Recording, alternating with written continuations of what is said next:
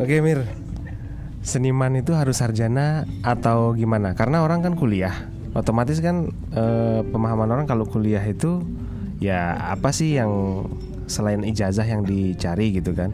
Ya mungkin ada yang berendah hati mengundurkan diri gitu kan? Ya mungkin dia menganggap bahwa ilmunya sudah ada gitu. Nah kalau menurut Amir gimana? Sebentar kita bahas dulu seniman. Seniman itu adalah pengkarya atau aktor yang menciptakan sebuah karya. Seniman itu kan lahirnya dari pemberian dari masyarakat yang melihat karya sehingga kita bisa layak jadi seniman. Kalau kita ngomongin seniman itu harus sarjana, mungkin sarjana itu hanya sebuah gelar. Seniman itu juga gelar. Jadi kalau kita ngomongin seniman harus sarjana, ketika sudah jadi seniman ngapain perlu gelar? Karena sudah mendapatkan Karena pengakuan. sudah ya. dapat pengakuan. Tapi kalau kita ngomongin di konteks Indonesia yang lebih dihargai mungkin ya lebih baik sarjana dibanding jadi seniman.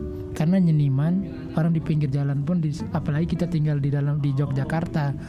Seniman itu penuh seniman yang sambil ngelukis dan jadi penarik becak saya pernah ketemu dan saya pernah ngobrol itu seniman lukis dia masih aktif melukis dan tapi masih aktif membecak jadi kalau kita ngomongin seniman apa harus sarjana? Tidak. Tapi kalau kita ngomongin konteks Indonesia yang lebih dilihat ketika seniman itu bersar jadi sarjana. Oke. Menurut Eh, saya. hmm. itu seniman yang lahir dari ibaratnya jalanan lah ya. Iya, Dan seniman yang lahir dari rahim akademik. iya. Nah, tapi sebetulnya kan ujung-ujungnya orang nggak terlalu memandang itu kan. Tidak. Ketika pameran Eh, misalnya tidak kan. ada, tidak ada. Ada lukisan. Avandi dulu kan emang Tidak ada. punya gelar Apaan dia aja tidak atau sekolah, seniman yang lain. tidak mungkin tidak sampai kuliah, tidak perguruan tinggi. Iya. Tapi beliau memberikan beasiswa dari karya-karya beliau ke isi. Nuh, luar biasa kan. Ya makanya saya saya ngomong seniman itu tidak perlu sarjana, tapi ketika seniman itu sarjana lebih didengar di semua lini. Oke, mungkin ya, eh, maksudnya Amir itu kayak gini. Jadi ijazah itu sebagai bukti formal Ya betul, untuk mempertanggungjawabkan kapasitasnya. betul. Karena kan sekali. fungsi dari ijazah itu kan itu kan. ya, Kenapa sampai eh, ini ilmiah dan itu tidak ilmiah? ya, Karena kalau udah dapat ilmiah itu jelas pertanggungjawabannya, jelas, sangat jelas. terutama untuk pengkajian. Iya kan? pengkajian dan terutama untuk orang yang bergerak di kayak kayak kita tender-tenderan lah zaman sekarang mungkin untuk membuat sebuah karya gitu. Oh, masuk ke portofolio. portofolio dan salah satu orang yang wah ini senimannya sarjana, eh senimannya kuliah di sini gitu. Sekarang sudah mulai melihat bahwa seniman itu lulusan perguruan tinggi seni ini gitu. Hmm. Nah kalau zaman dulu kan mereka hanya melihat Ya, karyamu karya bagus, ya. sudah sini. Tapi ketika ada salah satu statement ini menarik nih, seniman kalah karo akademisi sing nyocot.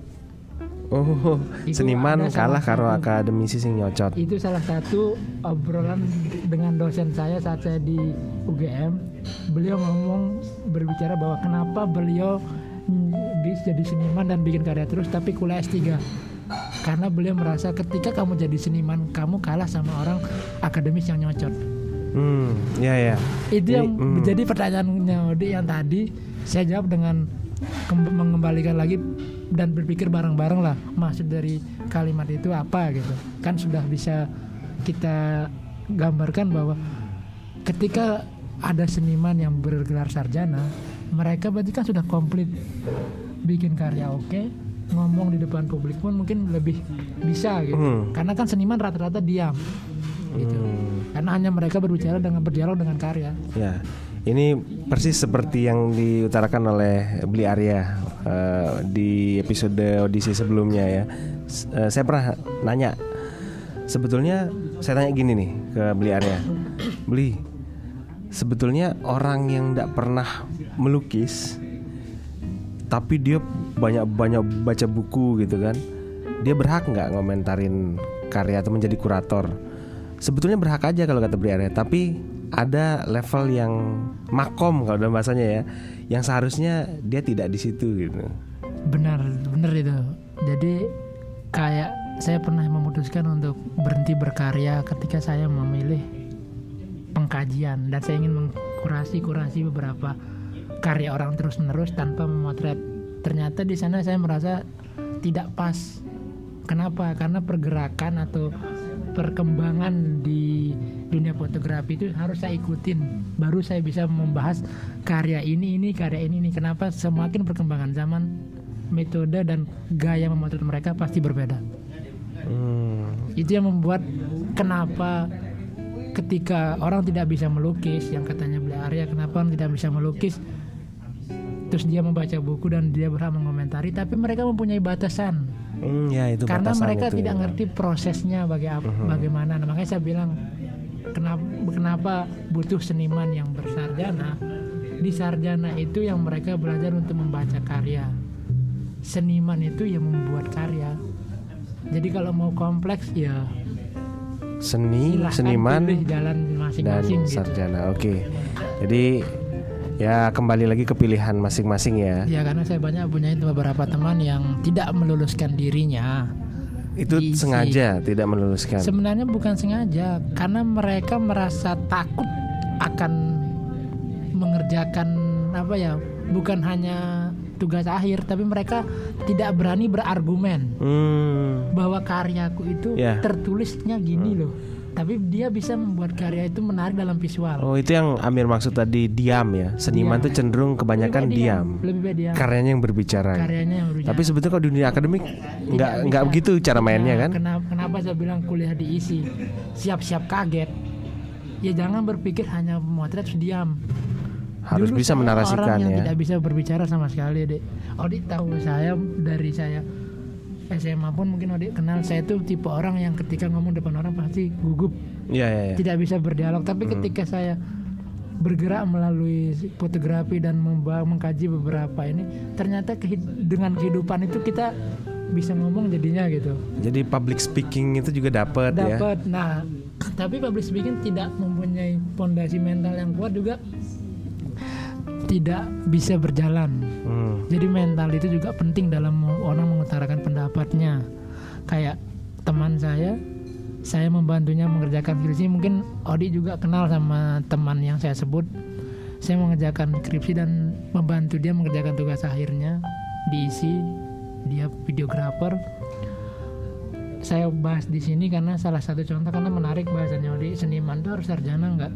Hmm. menurut saya itu pilihan masing-masing tapi yang saya sayangkan teman saya yang saya bantu untuk mengerjakan film ini ketika film itu keluar itu mungkin jadi salah satu film eh, street art dokumenter street art pertama mungkin yang pernah saya lihat dengan gaya penampilan seperti itu. Hmm.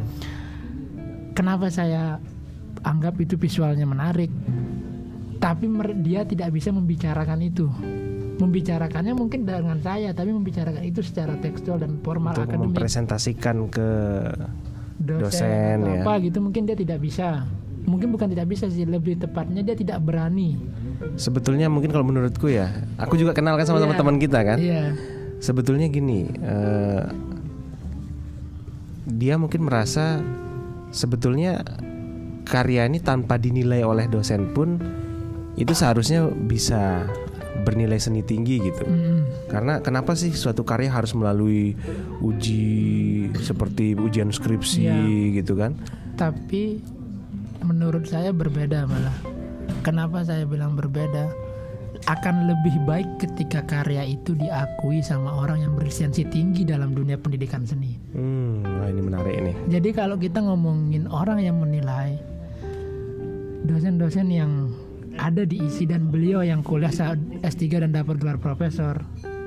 Beliau akan menghargai karya kita kalau kita menyelesaikan kan? Dia dia menjelaskan karyamu gini karyamu gini karyamu kurangnya ini. Ketika mereka bimbingan-bimbingan kayak gini ketika mereka mengakui seperti itu berarti kan otomatis lebih tinggi levelnya daripada audien-audien yang tidak Hmm. mengerti pendidikan seni gitu mungkin yang tidak ikut di pendidikan seni hanya bisa wah videomu bagus wah fotomu bagus lukisanmu bagus tapi ketika dosen wah metodemu menarik nih eksperimenmu dari Bagusnya sini itu ya juga bisa dijelasin kan? nah ada Kenapa penjelasan bagus, itu dan ya. ketika itu masuk ke masyarakat menarik nih dari orang ini dan orang-orang diisi dosen-dosen diisi orang-orang besar dalam dunia seni. Hmm, Iya. Saya mengaku dan salah satu mungkin yang disebut sama Ode beli Arya, ya beliau juga lebih paham bagaimana konteks dosen-dosen dan pengajar-pengajar di isi Jogja. Iya, iya. Nah makanya saya kenapa saya sel- sampai sekarang walaupun saya belum bergerak dalam pengajar fotografi gitu, tapi saya dari sampai sekarang ngomong bahwa seniman yang baik adalah seniman yang bagaimana caranya bisa dengan baik menjelaskan karyanya Hmm. dengan konteks-konteks yang ada ada pakemnya gitu. Jangan hanya menjelaskan karya. Aku buat ini saat aku ingin tidur. Aku Iya, buat iya, ini iya. saat aku bermimpi. Bukan kayak gitu. Aku ingin membuat karya ini agar terus mengalir, agar terus bisa dilihat dengan da- oleh orang dan metode-metode ini tetap bisa terbangun gitu. Mungkin kayak gitu. Bahasanya lebih tertata lah kita kalau kita ngomong berdasarkan keakademisan seni gitu. Nah kalau Odi Hmm. ngomong seniman butuh sarjana, tidak. Tapi sarjana seni butuh gelar seniman. Menarik ini salah satu insight baru ya. Artinya eh, narasi di masyarakat yang berkembang itu juga kadang banyak yang mengesampingkan ya. Artinya ya kita saling menghormati lah. Iya ya. Teman yang mengambil jalur non ijazah, terserah. tapi jangan sampai yang mengambil jalur non ijazah ini mengecilkan hati Iya, orang-orang yang Iya. sampai meneliti jurnal. Iya. Kayak ini kan juga Amir pernah cerita ke saya kan. Eh, kadang ada yang saling mengecilkan kan. Iya, Kamu sama- kok anak seni kok ngambil pengkajian? Menarik ini Harusnya menarik. penciptaan gitu kan? Menarik menarik. Ini kayak kita ngomongin eh, sarjana dan seniman lah kita pengkajian dan, Hmm. dan penciptaan. Jadi dalam kampus saya di kampus saya dulu di fotografi saat saya mengambil pengkajian orang-orang atau teman-teman saya di sekitar saya bicara ngomongnya agak sedikit menyinggung sih kayaknya. Obrolan mereka itu bilang ngapain kuliah di seni, ngapain kuliah di seni fotografi kalau tidak bikin karya lah. Karya itu kan bisa jadi tulisan, bukan hanya karya gitu. Nah, di situ yang menurut saya kalau kita obrolin yang tadi deh, yang mengenai jangan menjatuhkan ini dan menjatuhkan itu, itu sudah terbangun. Oh persaingan seperti itu ya kayak dalam Kelompok-kelompok dunia ya gitu. dalam dunia isi diisi lah gitu diisi dalam diri fotografi. Satu berbanding 10 pengkajian satu pencipta 10 dalam pameran. Hmm, tugas akhir jadi satu berbanding 10 saat itu saya pernah merasakan satu itu pengkajian. pengkajian 10 itu penciptaan. Dan kita kayak dikesampingkan. Tapi bagusnya beberapa dosen saya di si- di fotografi khususnya mereka yang pengkajian tetap memang menampilkan hasil penelitian di pameran tersebut dengan mencetak eh, hasil penelitiannya di kanvas gitu. Dan bisa dipresentasikan. Itu menurut saya bahwa sama susahnya gitu mau menciptakan mau mengkaji sama saja Gitu. Hmm, jadi tidak ada yang harus menyombongkan diri. tidak ada ya. sama aja Oke. Nah, ini menarik ya. Kita baru tahu kalau di dunia akademik seni itu sebetulnya ada persaingan metodologis lah artinya. Iya. Sebetulnya eh, orang-orang yang bilang kita ngapain pakai ijazah itu sebetulnya metode mereka dalam menjalani kehidupan berkesenian Benar. kan. iya benar Ya, ini menarik ya. Eh, jadi perta- eh, pertanyaan saya tadi sudah dijawab sama Amir. Seniman itu butuh ijazah atau tidak? Seniman itu harus bergelar atau tidak ya? iya Tadi sudah dijawab. Oke, eh, cukup eh, episode ini. Nanti kita lanjutkan lagi di episode episode berikutnya.